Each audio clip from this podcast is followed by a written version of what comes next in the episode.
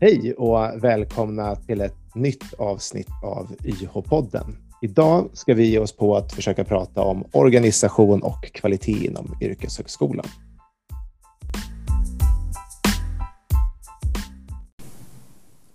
Och idag så är det jag, Pelle Isaksson och Tobias Landén som vanligt och en gäst, Janina Smith. Hallå! Välkommen, välkommen! Vem är du? Tack så mycket, kul att vara här. Jag eh, är, har varit utbildningsledare några år, ehm, är sångpedagog i grunden, sen hamnade jag här. Eh, och nu jobbar jag med kvalitet och pedagogik inom yrkeshögskolan. Mm. Jättekul att ha det här. Och vi ska ju försöka ge oss på det här ämnet idag som vi då kallar organisation och kvalitet. Vi får se om det blir eh, exakt det vi pratar om. Vi försöker hålla oss till eh, ämnet. Okay. Men vi tänkte börja lite med syftet med yrkeshögskolan. Janina? Ja, ehm, men jag har ju kollat, jag har skrivit en, en eh, uppsats om yrkeshögskolan och försökt att gräva i det bakåt. Eh, och syftet med yrkeshögskolan, eller ehm, KY som det var då, var från början att man såg att eh, kompetenskraven förändrades och det behövdes nya kompetenser för att kunna konkurrera på, på den globala arbetsmarknaden. Så det var ett sätt att förse eh, näringslivet, arbetslivet med den kompetens som man saknade helt enkelt. Så det var en väldigt, eller är, en väldigt nära koppling mellan eh, skola och arbetsliv. Mm. Och du skrev ju en, en rapport inom akademin om yrkeshögskolan, kan man säga då. Jajamän. Ja, det är intressant. Eh, och vad är skillnaden då mellan yrkeshögskolan och akademin, tycker du?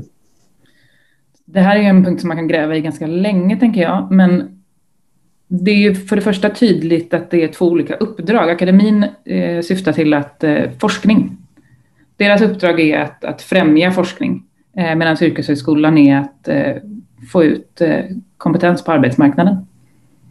Att förse, förse branschen med den arbetskraft som de behöver. Så att syftena är helt olika och sen så blir det konsekvenser av det, vad man fokuserar på. Och inom akademin har man ju länge brottats med eh, att kopplingen mellan utbildning och arbetsmarknad ses som för svag. Mm. Tobias, har du något att tillägga här? Kopplingen? Men jag bara funderar, som också har varit med sedan tiden. Är det liksom egentligen någon större skillnad från KY till YH? Min, min upplevelse är ju att, att när det gick från KY-myndigheten över till YH um, ehm, så vart det ju lite mer eftersträvat att bli lite mer akademisk. Eller lite mer struktur i det. Även om syftet är samma så kan jag tycka att vi har rört oss mot mer institutionalisering av utbildningsformen. Jag vet inte om du håller med om det? Men det gör jag. Det går, det går ditåt och det eh, skulle jag vilja säga blir mer och mer uppstrukturerat hela tiden. Också med eh, när CQF kom in så hände det eh, grejer. Men, men det går ditåt mm. hela tiden. Eh, KI var kraven eh, lägre skulle jag vilja säga, eller mindre eh, strukturerade. Mm. Men anledningen till att man införde yrkeshögskolan var också att det fanns, man såg att det fanns utbildningar som låg på flera olika ställen i utbildningssystemet och krockade med varandra. Så att man försökte mm. renodla Eh, vad, som, vad kraven var för att tillhöra just yrkeshögskolan. Just det.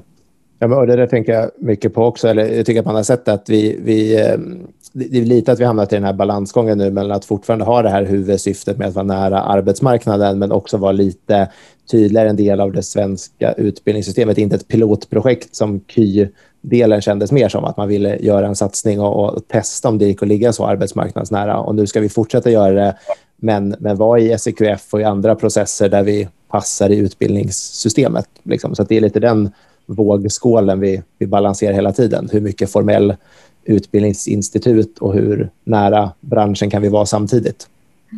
Det ska man säga, det jag såg i min uppsats också, att det är ju både KI och yrkeshögskolan är utformat för efter arbetslivet. Eh, så man pratar mycket om ja, men, lärlingstänket, lära sig eh, ute på arbetsplatsen, eh, socialiseras in i yrket och så vidare. Men sen har man också hämtat krav från andra utbildningsformer. Så att det är väldigt höga krav på dokumentation, på eh, det, bedömning och så vidare som krockar med, med tanken om upplägget menar jag. Och här blir det intressant att prata om, om kvalitet i organisation. i relation till den krocken. Ja, just det. precis. Eh, och, och man kan ju undra vad syftet med IH är ibland, kan jag tycka då. Alltså, alltså när, när, vad är det vi levererar ut? Då? Syftet berättar du så bra om nyss, men vad är det vi yrkesskolan levererar ut till arbetsmarknaden idag? Håller det kvalitet, det som, det som levereras? Mm. Där kan man ju se vad syftet är. Om syftet är eh, att branscherna ska bli kompetens, eh, jag vet konkurrenskraftiga, så kan man fråga sig vad behöver vi veta för att mäta det och vilket tidsspann pratar vi om? Är syftet att bara, bara att förse arbetsmarknaden med den arbetskraft de behöver just nu, då kan vi mäta det väldigt enkelt genom sex månaders uppföljningen. Då kan mm. vi se hur många som går direkt ut i, i arbete och se branschernas efterfrågan. Vi brukar jag brukar prata om att det finns ju två yttre mål. Det är att alla ska ta examen och alla ska få jobb i rätt bransch. Mm. Då kan jag ibland slås av tanken att ja, men då är det ju att det är klart att alla ska klara examen eh, och sen ska de få jobb i rätt bransch. Och jobb i rätt bransch, när kan de få det? Och då kan jag se att det är ofta så här, ibland kan jag tänka att det är det som är syftet, att jag ska bara, bara arbetslivet tar emot dem så har jag gjort mitt uppdrag. Och då kanske man inte behöver tänka så mycket på kvalitet ibland. Utan då kan de utvecklas vidare därifrån? Ja, kanske. Mm. För så länge arbetslivet tar emot dem, har vi gjort rätt då? Men då blir följdfrågan, har arbetslivet den kompetens och den kunskap som krävs för att ta det här lärandet vidare eh, för, för att liksom kunna bli konkurrenskraftiga? Mm. Eller är det skolans eh, uppdrag att, att hjälpa arbetslivet att bli konkurrenskraftiga? Förstår jag? Ja. vilka kompetenser behöver eh, yrkeshögskolan skicka med de studerande som kommer ut? Tobias?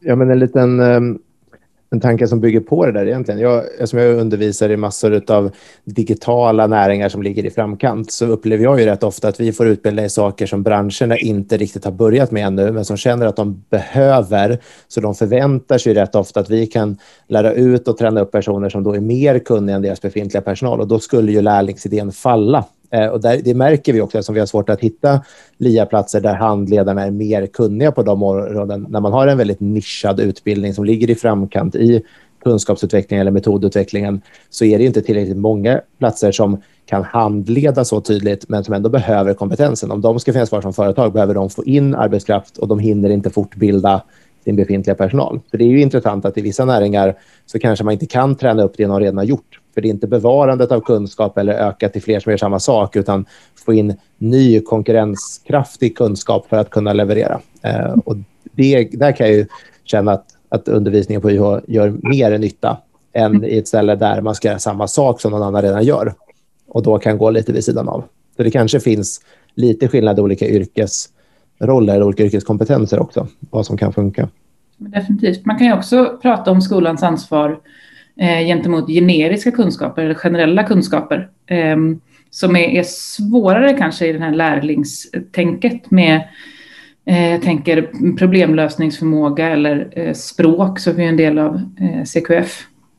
Ehm, kritiskt tänkande och så vidare. Just det. Mm. Mm. Att det finns ett värde av att lära sig att lära sig. Ja, exakt, livslånga lärandet. Ja, ja. Mm ja, men som står i SEKF och framförallt väldigt tydligt i, i nivå 5 som de flesta utbildningar ligger på. Där det verkligen är betonat att man själv ska kunna ta in nytt lärande. Det, det ska vi inte prata om idag, men, men, det är ju en utmaning i sig att träna de studerande till det också. Inte bara lära dem sakkunskapen de behöver ha, utan också att själva lära sig. Precis. Mm. Eh, och, och, det där är ju en utmaning att få in i det systemet som finns med eh, uppbyggnaden, att man tar in ämneskunskap och man kollar vad, vad branschen efterfrågar. Men har vi dessutom ett ansvar att lägga in andra generiska kunskaper? Enligt CQF så har vi ju det. Mm. Mm. Mm. Och, och, hur det än är med det där så måste vi ha någon sorts organisation som ser till att vi kan nå de här eh, målen. Om de så synkar med varandra eller om de inte synkar med varandra eh, genom alla led. Men eh, hur, se, hur organiserar sig egentligen anordnare? Vad har ni för bildare? Tobias, om du börjar.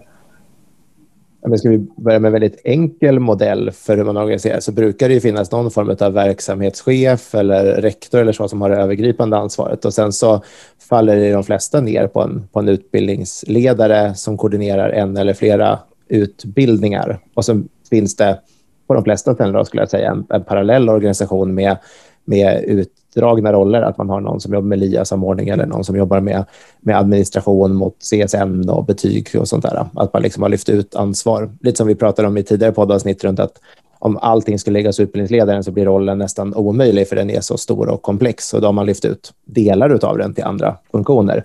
Men eh, så är väl min allmänna bild. Sen har man ju experimenterat. Jag tycker nästan varenda verksamhet experimenterar. Jag tror att det är jättebra att man experimenterar. Eh, så det kan heta olika och se olika ut och, och så där. Nina, vad är din upplevelse av organisationerna inom yrkeshögskolan? Ja, men den är liknande. Jag har inte gjort någon statistisk koll, men, men det jag stött på när jag skrev min uppsats också när jag själv har arbetat så är det Tobias säger den, eh, det jag har stött på också. Att man antingen har en utbildningsledare som har helhetsansvar för en utbildning, alternativt att rollen är uppdelad i två varianter. Eh, där en ansvarar för att sköta kontakter ut mot bransch och den andra ansvarar för att sköta kontakten med de studerande. Och sen så har man vanligtvis en utbildningschef ovanför eh, och kringfunktioner, IT eller administratörer. Mm. Vi ska ju... Ja, jag, jag har väl sett något liknande också. Sen ju större en organisation blir tycker jag, då, då knoppas ju det av de här olika eh, an, antagningsenheten och administration kan bli något. Eh, ansökan om nya utbildningar, alltså utveckling av nya utbildningar blir en egen enhet och så vidare. Så att det blir liksom, och där kan det ju förstås bli utmaningar som vi kanske kan prata lite om lite senare. Eh, och, och eh, ja, så det, det, det görs olika men ganska lika ändå är vi överens om kanske lite lokala varianter kan finnas och folk testar sig fram lite här och var. Hur, för att se Om vi ska ta någonting som är, är, lite intressant, eller från mitt perspektiv i alla fall, så kan jag tycka att men, den, den roll man kallar för utbildningsledare, även om man kanske ibland har delat upp den, så kan jag tycka att det finns en stor skiftning i hur mycket man anser att den är framförallt en en administrativ person som följer processen och ser till att det finns en lärare och att det, det finns betyg och att saker händer vid rätt tidpunkt, att det finns LIA-platser och så vidare. Och så finns det ett annat perspektiv där utbildningsledaren har mer ett, ett kvalitetsansvar och ser till att utbildningen är bra, att de studerande trivs på utbildningen, att, att eh, kurserna håller hög kvalitet. Så att ibland kan utbildningsledaren ha ett, ett fokus på kvalitetsutveckling och, och jobba med utbildningen och ibland mer ett processmässigt ansvar att den går framåt. Och så har man flyttat bort kvalitetsansvaret till separata roller. Och där kanske det är en tydligare skiftning mellan anordnare, i mitt perspektiv i alla fall. Att vem ligger kvalitetsansvaret hos och vem ligger processansvaret hos? Eh, mm. Är utbildningsledaren mer av det ena eller andra? Eh, det jag tyckt varit intressant och som jag också har kikat lite på i min uppsats är hur man eh, ser på de här olika rollerna och vad som krävs av dem i relation till ja, men kompetenser eller vad, vad man ska ha för bakgrund eller sådär. Av de jag utbildade så var, intervjuade så var det många som sa att, eh, många, eh, att vi kan ju inte krävas att vi har tydlig branschkoppling för de utbildningarna jag sköter kommer sannolikt variera och ligga på olika branscher. Eh, så är jag eh, någon sorts tekniker så kanske jag får hålla i en eh, marknadsföringsutbildning om några år. Så där såg man inte en möjlighet att kolla av, ehm, att, att söka utbildningsledare med expertkunskap inom branschen. Så att när jag kollade, jag kollade ett antal eh, annonser för utbildningsledare och det man framförallt söker är en projektledare upplevde jag var återkommande i annonserna. Mm. Och då, då, skulle jag säga att när man letar en projektledare så letar man ju mer den här processansvariga. Den som ser till att saker händer i tid och genomförs så att vi inte glömmer saker och, och gör rätt för oss. Och det, det är det jag ofta stöter på. Till exempel när man ska jobba med kursplaner eller jobba med utveckling av utbildningsdesignen så är utbildningsledarna väldigt otränade i de delarna för att de är mer vana med att de, det ska vara fastställt, det ska finnas, det ska finnas en kursordning och det ska finnas en lärare kontrakterad eller liksom an, anlitad för en kurs när den startar. Inte så mycket att det ska vara en så bra lärare som möjligt eller en flexibilitet i upplägget eller att liksom utmana de bitarna. Och det är mycket mer ovanligt att, att utbildningsledare jobbar med det, från mitt mm. perspektiv i alla fall, eh, som ofta kommer in som utbildare. Ja, precis. Och utbildarna är ju generellt sett i min erfarenhet eh, oftast anställda på konsultbasis och har inte en liksom, koppling till skolan. Man är inte anställd av skolan i fråga. Nej. Och det här faller väl egentligen tillbaka på de här två ansvaren vi pratade om förut. Att vi å ena sidan ska ligga branschnära och ha en, en utbildning som är aktuell och som ger rätt kompetenser, att den matchar med arbetslivet. Men också att det är mer institution och utbildningsstruktur. Att vi har en massa formalia vi ska genomföra. Och, mm. och där kan man väl... Jag kan argumentera för att det är många organisationer har tippat till att formalian är viktigare än kvaliteten. Det är inte mm. säkert att det är så, men, men jag får känslan av det, för det är sånt man kontrollerar bäst. Det är viktigare att betygen är inrapporterade i tid än att betygssättningen går till på rätt sätt. Eller det är viktigare att, att kursen startar oavsett lärare än att man vågar fundera på kan vi strukturera om en kurs så att vi kan få, få bättre kvalitet i lärandet. Att, att man, deadlinesen blir viktigare. Mm. Eh, lite den här tid, kostnad, kvalitetstriangeln inom projektledning så kan jag tycka att man har hamnat mycket i att saker ska vara klara i tid lite mm. GAMP-schema och sån planering. Det är sånt som går att ta på som är lätt att ta på, kan man säga. Alltså det, att, att börja...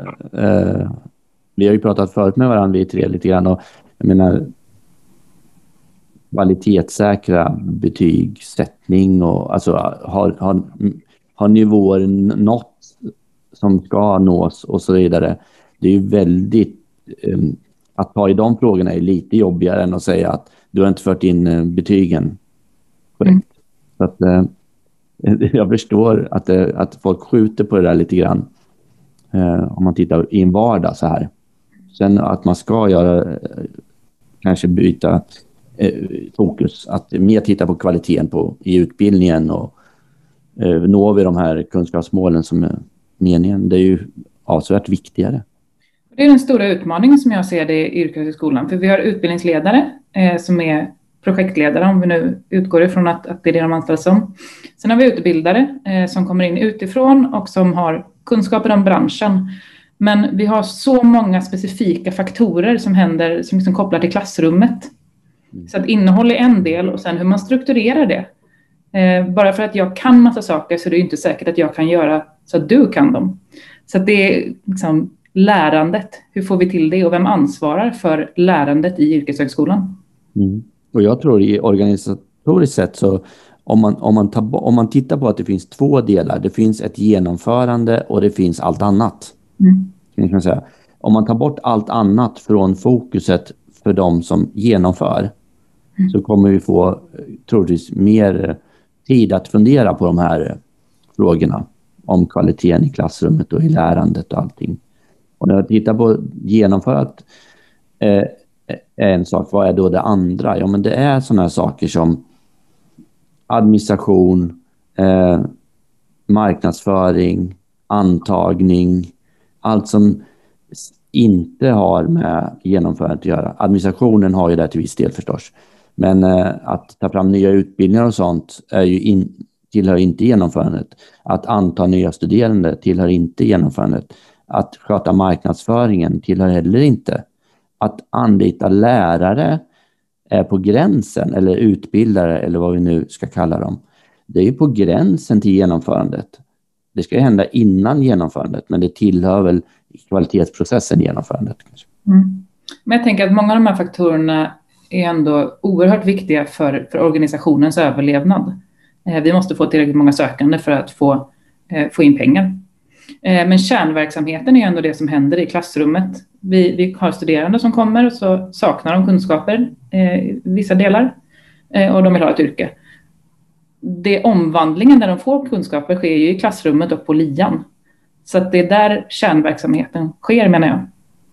Mm. Jag får dra en liten parallell här nu. Jag har spunnit iväg på det här med projektledning som ett perspektiv. När jag håller projektledningskurser och sånt brukar jag prata mycket om, om just den här eh, traditionella sättet att se att ja, men det finns tid, kostnad och kvalitet. Det är tre faktorer eller kvalitetsfaktorer eller så vi kan titta på. Eller indikatorer. Har vi hunnit klart i tid? Har vi varit inom budget? Och, och har vi hållit den kvaliteten vi har sagt? Och det finns ju en en, en princip om att man kan inte låsa alla de här tre, för om någonting händer så måste någon av de här få liksom dras ner på. Det måste kunna få bli dyrare, ta längre tid eller bli lägre kvalitet. Mm. Eh, att liksom, om, om det börjar bli liksom svårt att hålla sig inom ramen. Eh, och när jag lär ut agila metoder så lägger vi till en fjärde där vi pratar om scope, alltså omfattningen på det. Eh, så att man säger att ett sätt att behålla tid, kostnad och kvalitet är att minska scopet. Vi gör mindre saker, men med samma kvalitet inom samma budget och på samma tid. Och Det som är så intressant med utbildning är att det är ju bundet i tid. Vi har ju fått ett och ett halvt eller två år eller liksom x antal studieveckor på oss att, att genomföra någonting. Vi har en kvalitet som vi egentligen ska hålla utifrån utbildningsplan och kursplaner med det här ska de lära sig. Eh, men vi har också ett låst scope då, eftersom vi har sagt att allt det här ska de lära sig på utbildningen. Eh, och då är det kostnaden som är kvar och det är det jag tror att organisationen drar sig för. Det är svårt att stoppa in mer pengar. Man, man tycker att man har en tight budget och har fördelat allting rätt. Att då jobbar ju organisationen i det här väldigt låsta mönstret av att alla de fyra grejer vi kan jobba med har vi svårt att rucka på. Vi har mm. svårt att bara förlänga tiden och så där. Och det, där tycker jag ju sånt här med liksom, IH Flex och nya initiativ där vi börjar låta tidsaspekten vara mer flexibel. Att vi säger att ja, det viktigaste är lärandet, inte exakt när det uppstår och att vi kanske kommer loss lite från, från någon sån här del gör att organisationen kan tänka på andra sätt.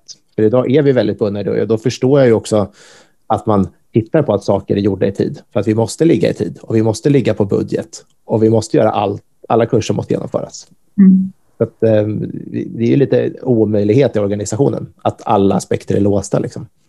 Det finns ju aspekter som man kan låsa upp förutsatt att man har kontroll över dem. Eh, optimalt så har vi ju en, en ledningsgrupp eller branschrepresentanter som säger det här är det de studerande behöver kunna.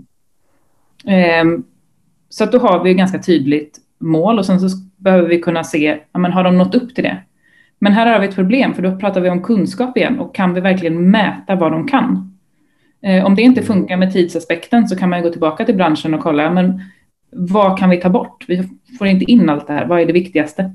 Så då kan man ändra innehållet, men det är förutsatt att vi har koll på den parametern. Har de lärt sig det här eller inte?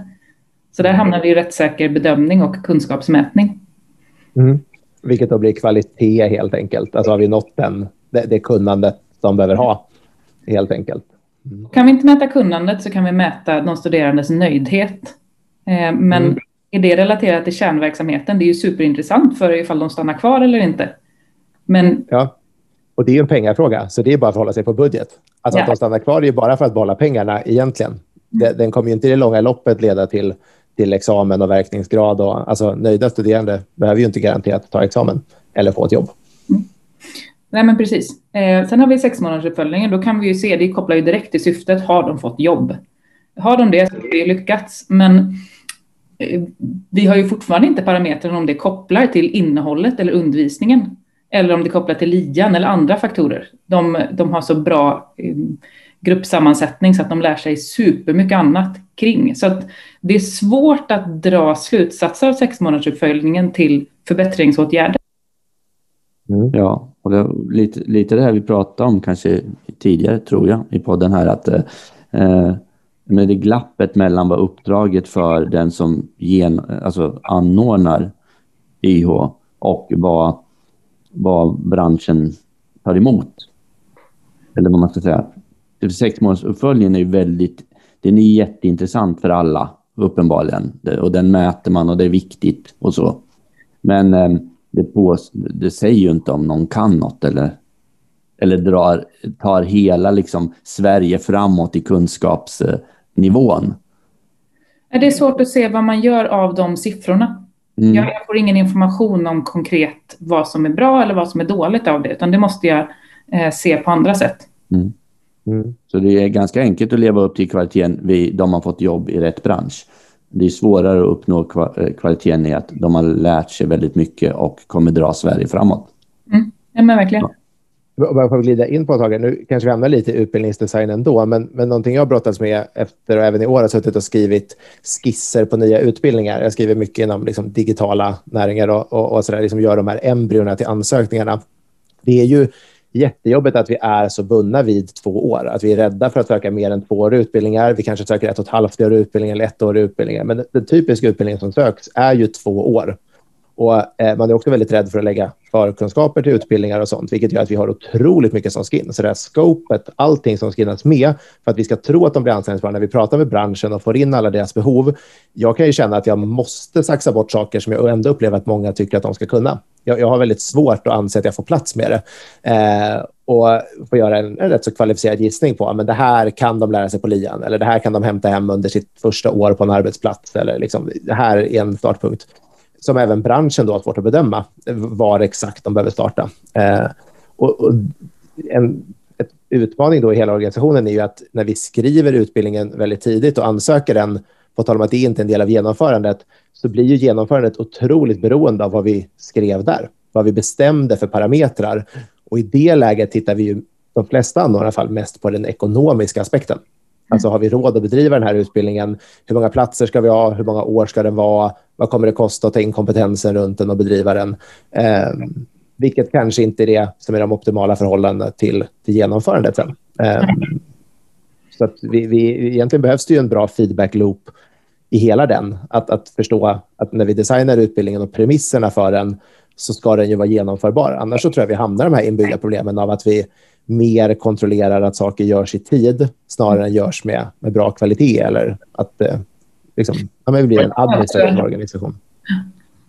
Där kan man också höja det ytterligare nivå som jag vet att Johanna Köpsen skrev om i sin avhandling. Eh, vilka är det som kommer till tals i de här eh, upphandlingarna för att bedriva en utbildning? Och vilka är det som inte kommer till tals? Och hur påverkar det eh, vad vi faktiskt utbildar inom och vad vi utbildar till? Just det. Mm. Och ja. branschnära då, huvudsyftet. Och, och, och, skrev inte hon något också om att um, vem är det som påstår vad man ska kunna? Ja, men precis. Alltså, att det är, det är, lokalt förankrat. Stämmer det verkligen? Mm. Det sitter en person ifrån ett företag som inte kan utbildning alls och säger att det är det här de ska kunna. Ja, men, men precis. Och med fokus på på färdigheter och direkt anställningsbarhet, kanske snarare än de här generiska kunskaperna eh, som gör att jag som individ har möjlighet att få ett liksom, gott arbetsliv. Men det är att, att höja eh, abstraktionen ytterligare ett ja. Jag får ta ett exempel där bara som jag tycker är intressant. Jag har ju kört mycket digital marknadsföringsutbildningar runt i hela landet. Framförallt nu under pandemiåret så har det varit lättare att hålla utbildningar på många olika ställen. Och det är intressant hur ribban sätts olika för samma typ av utbildning. Alltså, nästan alla utbildningar heter digital marknadsför eller digital kommunikatör eller varianter av det. Men i mindre orter, de ledningsgrupperna vill ju oftast att personen ska kunna helt andra saker än vad de större orterna vill. För där har vi konsultföretag och byråer som jobbar med mer kvalificerade nischade saker. Medan på småorterna så ska du kunna göra lite av allt och, och du ska kunna vara liksom hela produktionsgrejen. Så att det som utbildas där blir ju en, en väldigt eh, en roll som egentligen bara funkar att anställa där. Jag skulle säga att de som läser dem, och nu under pandemin har man märkt också att eftersom man kan läsa på distans, även fast det är en bunden utbildning, så finns det ju folk i större spridning. Och de kan ju då egentligen bara få jobb i ungefär liknande liksom, eh, samhällsdelar av landet, alltså där det är mindre orter, där det finns byråer som gör lite allt möjligt, som jobbar med små och medelstora företag och inte få jobb på de här stora byråerna, för de har inte fått de kompetenserna eller färdigheterna som behövs där. De är inte så nischade, utan har fått en väldigt bred utbildning. Så där finns det en lokal förankring. Sen om den är bra eller dålig och vad som behövs och så där. Men, men jag märker tydligt att ledningsgrupper på olika delar av landet ställer helt olika krav på samma typ av utbildning, eller med samma namn i alla fall. Mm. Ja, men verkligen så att man utbildar för en, en specifika företag egentligen. De vi frågar är de vi får svar av. Mm. Mm. Eh, sen så blir det någon sorts samhällsansvar som är, tycker jag, lätt att koppla till just marknadsföring eh, för att det, det går att marknadsföra på ganska fula sätt. Eh, och kan koppla det till konsumtionssamhället och etc. Eh, det kommer ju antagligen inte företagen prata om att bygga in om det inte sätts krav på dem. Men vi måste ha det här miljötänket med. Vi måste eh, tänka på ansvarsfullt. Eh, ja, men etik det är en sak som, som vi pratar mycket om och försöker få in i utbildningar. Att, att, för vi ser det från vårt perspektiv som utbildare, att det här är viktigt i ett större perspektiv. Men det är inte säkert att ledningsgruppsföretagen ser det i alla utbildningar. Och så där. Men, och det är intressant att det finns ju alltid saker som kanske anordnare eller samhället i stort kan lägga på eh, mm. information om. Och, och, som också finns i SQF till viss del mer upp i nivå 6 än i nivå 5. Men där börjar ju etik och sånt komma in. Eh, och att vi det finns ju en eftersträvan om att YH ska kunna röra sig mer upp mot nivå sex också. Vi får ju finnas där. Och då behöver vi ju ännu mer tänka på sådana samhällsmässiga vetenskapliga aspekter av det här. Mm. Är det som eh, myndigheten gick in på det här med jämlika utbildningar, alltså att du säger lika mycket kvinnor och män. Och där gick de faktiskt in och det har de ju med i sin kvalitetsgranskning nu. Mm. Menar Janina, är du inne på att vi kanske ska ha sånt för andra aspekter också? Som miljö eller eh, att, att, att det kommer påtryckningar, inte bara från branschen utan från samhället i stort på hur utbildningar, eh, vad utbildningar ska lära. Så jag menar nog egentligen att vi bör bredda diskussionen om vad, vad kvalitet i yrkeshögskolan är och vad behöver, vi behöver kolla på för att, eh, för att faktiskt bedriva utbildningar av kvalitet. Och vad vi har inbyggt i vårt system. Eh, med hur vi organiserar oss och vilka vi frågar för att få uppslag till innehåll etc. Och vad vi har möjlighet att kontrollera med liksom kursutvärderingar, med sex månaders uppföljning och så vidare. Och vad som inte går att komma åt i det systemet vi har. Det, det lät nästan som en slutsats här nu. men, som en intressant aspekt på det så är det väl en bra grej att ställa sig som fråga som organisation är vad har vi för, för indikatorer? Vad är det vi mäter kvaliteten på? Eh, och även om vi kanske inte ska tillföra massa nya så är det ju lätt att falla tillbaka på de här med att ja, men studerande är nöjda, kurser startar och slutar i tid, alla får betyg, alla får examen och, och liksom sex månaders uppföljningen uppe på det. det. det. kan ju vara väldigt bra att, att fråga sig vad, vad är de egentliga liksom, indikatorerna på, på kvalitet och det kanske påverkar hur man organiserar sig. Mm. Um, jag tänker också vi, det är ett samhälls... Eh, så som det funkar idag, vi är väldigt inne på att mäta saker. Eh, men det är vissa saker som är svårare att mäta och det finns också risk att de glöms bort eller får väldigt liten uppmärksamhet. Eh, så det är värt att fråga sig vilka kompetenser behöver vi? Vilken gemensam förståelse behöver vi i organisationen för att kunna driva kvalitet även på de områdena där vi inte kan få tydliga siffror på det? Mm. Ja, jag, jag, jag, kan tycka det, det är ju... Jag menar, att, att få ut alltså sex månaders, månaders uppföljningen, mm. att, att ha det som mål att uppnå det, för det är det vi måste göra, för det är det vi bedöms på.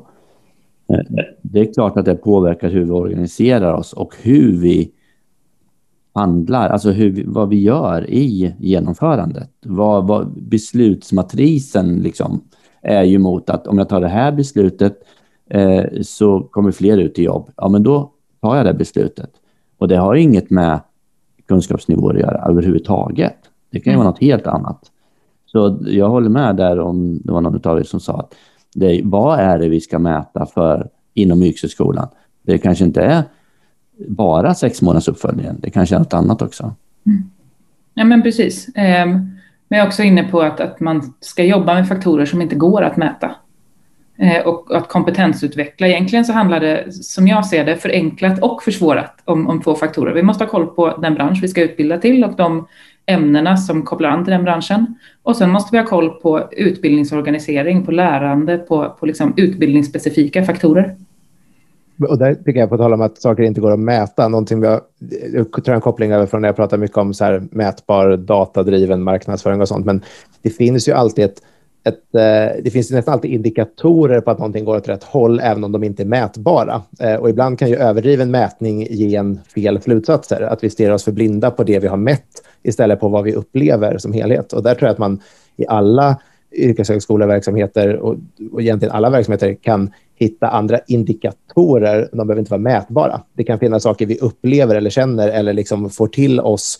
Det kan vara hur många liksom, att vi får positiva tillrop kring saker eller att det finns ett, ett flow i grejer. Att, att eh, LIA-företag hör av sig och vill ha studerande. Det kanske inte går att mäta i antalet siffror eller så där, men att det händer. Att vi ser att vi får kontakter utåt eller att vi, vi märker att studerande uppskattade eller sånt där. Det är också värt någonting. Att, att vad, vad, personer som är i processerna upplever och hur de beskriver det är precis lika viktigt som, som siffrorna vi får ut på pappret. Eh, och de är för mig ändå indikatorer eh, på att vi rör oss åt rätt håll. Eh, så ja, vi... Allt är nog inte mätbart, men allt, är, allt går att uppleva att det rör sig åt rätt håll. Liksom. vi, ska väl, vi ska väl veta att påverkan är inte bara sex månaders uppföljningen. Men eh, det vi, det för vi har ju också myndighetens kvalitetskriterier. Myndigheten tittar ju även på lärande och så. Och det påverkar ju till viss del att får vi bedriva utbildningen igen eller inte. Till en väldigt liten del, är min upplevelse. Men eh, det är klart att kvalitetskriterierna som myndigheten har satt upp rörs ju eh, i genomförandet på något sätt och är inte alltid så mätbara. Men, men verkligen, och eh, jag upplever att det här självskattningsverktyget som är framtaget för ett tag sedan är väldigt, väldigt användbart. Men sen kan man också fråga sig med eh, myndighetens granskningar vad de faktiskt kan mäta, för de är inte inne i klassrummet, utan det är återigen eh, dokumentation och intervjuer, det vill säga upplevelser av det. Nej, men och, och, precis vad jag skulle säga också, det, det är ju eh, det är intressant för myndigheten när de går in och gör kontroller eller liksom granskningar och försöker titta på grejer så får ju de ett, ett litet utsnitt av det som händer hela tiden. Det vet ju de själva också. Därför drar inte de för stora växlar på allting de ser heller. De försöker ju dra lärdomar av vissa grejer och vissa saker vet de inte fungerar bra och så där. Men, men, men de är ju otroligt medvetna om att, att de bara ser en liten del av det och ser den delen de kan ha. Och där tror jag också att vad jag upplever från anordnarsidan är att man är ju mest rädd för att få kritik från myndigheten, inte för att liksom, kvaliteten blir låg. Eh, så att man, man, är, man, är, man, vill skydda sig på alla fronter där man tror att en granskning från myndigheten kan ge en kritik, inte att hålla upp kvaliteten som, som helhet. Jag vet inte om det var logiskt. Men... Ja, men det brukar ju de säga på, på utbildningar som jag håller i, att när myndigheten är med, att vi vill inte ha någon skyltfönsterverksamhet. Det, det är så de pratar om det i alla fall. Att bara för att vi säger något så ska ni, det är inte därför ni ska göra det. Nej, precis. Där upplever jag eh, myndigheten som väldigt hjälpsam. Alltså det är mycket granskningar som, som bara syftar till att, att ge anordnarna verktyg att faktiskt kunna bedriva kvalitativa utbildningar. Mm. Ja, och alltså det jag vill säga är väl att när jag får frågor från anordnare där det är så här, men gör vi rätt om vi gör så här? Det kan vara, får vi formulera en kursplan på det här sättet? Så finns det ju ett svar som är så här, ja, det är så förordning eller någonting säger att man ska göra. Men, men jag tycker att den bästa frågan är så här, hur kan vi göra det här bättre? Gör vi bäst om vi gör på det här sättet? Eh, för den driver oss framåt till bättre kvalitet. För att göra korrekt, det är, liksom, det är inte ett mått på kvalitet. Det är, det är ett mått på administration eller på liksom formalia för mig. Eh, och att våga utmana dem och titta på hur kan vi göra det bättre, det är det alla vill åt egentligen. Så vi måste sluta stirra på, på bara liksom rätt och fel och en mm. statisk svartvitt svar på grejer eh, om vi ska uppnå riktig kvalitet. Ja, men precis, och det menar jag kopplar an till, till bättre förståelse eh, hos alla individer som jobbar inom utbildningar. Inte bara vad ska jag göra och hur ska jag göra för att få det korrekt, utan varför ska jag göra det och vad är liksom skillnaden mellan att göra det bra eller halvbra? Man måste förstå eh, syfte och huret. Mm. Ja, eh, tiden går. Eh, jag tänkte fundera om, om, om vi skulle försöka dra några enskilda slutsatser eh, av den här diskussionen. Så ni kan ju fundera, Tobias och Janina, på vad ni skulle kunna säga som slutmening. Eh, jag kan ju börja, så har ni lite tid på er kanske. Jag reflekterar över den här diskussionen så landar jag lite i att det kanske finns för få mål, yttre mål, inom yrkeshögskolan. Eh, det är nu idag att vi ska ta, alla ska ta examen och alla ska få jobb i rätt bransch. Jag kunde tycka att vi är inne på lite här, jag upplever i alla fall att vi är inne på, och jag får idéer om att det kanske ska finnas någon kunskapsnivå. Det har vi genom SIQF kanske, men det mäts ju inte i utfallet eh, som sex månaders uppföljningen gör, tycker jag. Eh, det är mitt, eh, min reflektion. Jag har inte aning om hur man ska göra det där, men, det var i alla fall en reflektion. Är det någon annan som har eh, kunnat tänka klart här och kunnat ge något? Men jag har en delvis reflektion på det vi har pratat om och ihopkopplat med vad jag är rädd för som helhet i vad, vi, vad organisationer rör sig någonstans. Och jag får en känsla hela tiden av att vi försöker hitta en fast form för hur en YH-utbildning ska bedrivas. Att vi, att vi försöker hitta fasta kriterier hela tiden. Och det hänger ihop med, med det vi har pratat om. Och, och nu när vi börjar prata om högskolan eller akademin och kopplingen där, de har ju sin egen kunskapsutveckling, sin egen utveckling där och kan därför kanske ha en tydligare form för hur man bedriver utbildning. Men när vi lägger på det, så tappar vi det unika i varje utbildning och så där. Jag, jag, tror inte det är ett problem att ha många utbildningar på samma skola, men jag tror man måste låta varje utbildning få utveckla sin egen kvalitet och sitt eget genomförande mycket mer och skapa mer frihet runt, runt varje utbildning och kanske till och med runt varje omgång. Att, att ge mer utrymme att experimentera, att vi låser oss så mycket i de här fasta rutinerna i organisationen att vi inte kan testa andra sätt att uppnå kvalitet på. Eh, och det är en känsla jag haft under tio år att det blir mer och mer standardiserat hur utbildningarna bedrivs. Och jag tror nog att det rör oss bort från kvali alltså, riktig kvalitet, utbildningskvalitet och istället håller oss i kanske upplevd kvalitet eller administrativ kvalitet. Ehm, det är nog min reflektion. Och jag tror, min gissning är att det är svårt att, att komma ifrån. Ju äldre en organisation blir, desto mer byråkrati tenderar det att, att bli inbyggt i den. Så jag tror att Eh, allt eftersom yrkeshögskolan blir äldre så kommer det vara svårt att hålla den här fria formen för att det kommer med växande ålder att det blir mer strukturerat. Eh, så jag tänker snarare att man ska verkligen definiera vad som är unikt med yrkeshögskolan eh, och vad kärnan är ännu tydligare gentemot andra utbildningsformer för att kunna utveckla strukturerna för just den här utbildningsformen. Och vad är dina slutord, Janina? Ja, men jag tror det. Det kändes ja. bra. Du fick, fick en lösning där. Det var jätteskönt. ja, men eh, jag tror vi får tacka för oss för den här gången och tack Janina att du var med. Tack för att jag fick vara med. Pratade. Vi hoppas få ha med dig någon mer gång. Mm. Ja. Och tack Tobias eh, också förstås, alltid. Så med det så säger vi väl eh, hej då. Hej då. Hej då.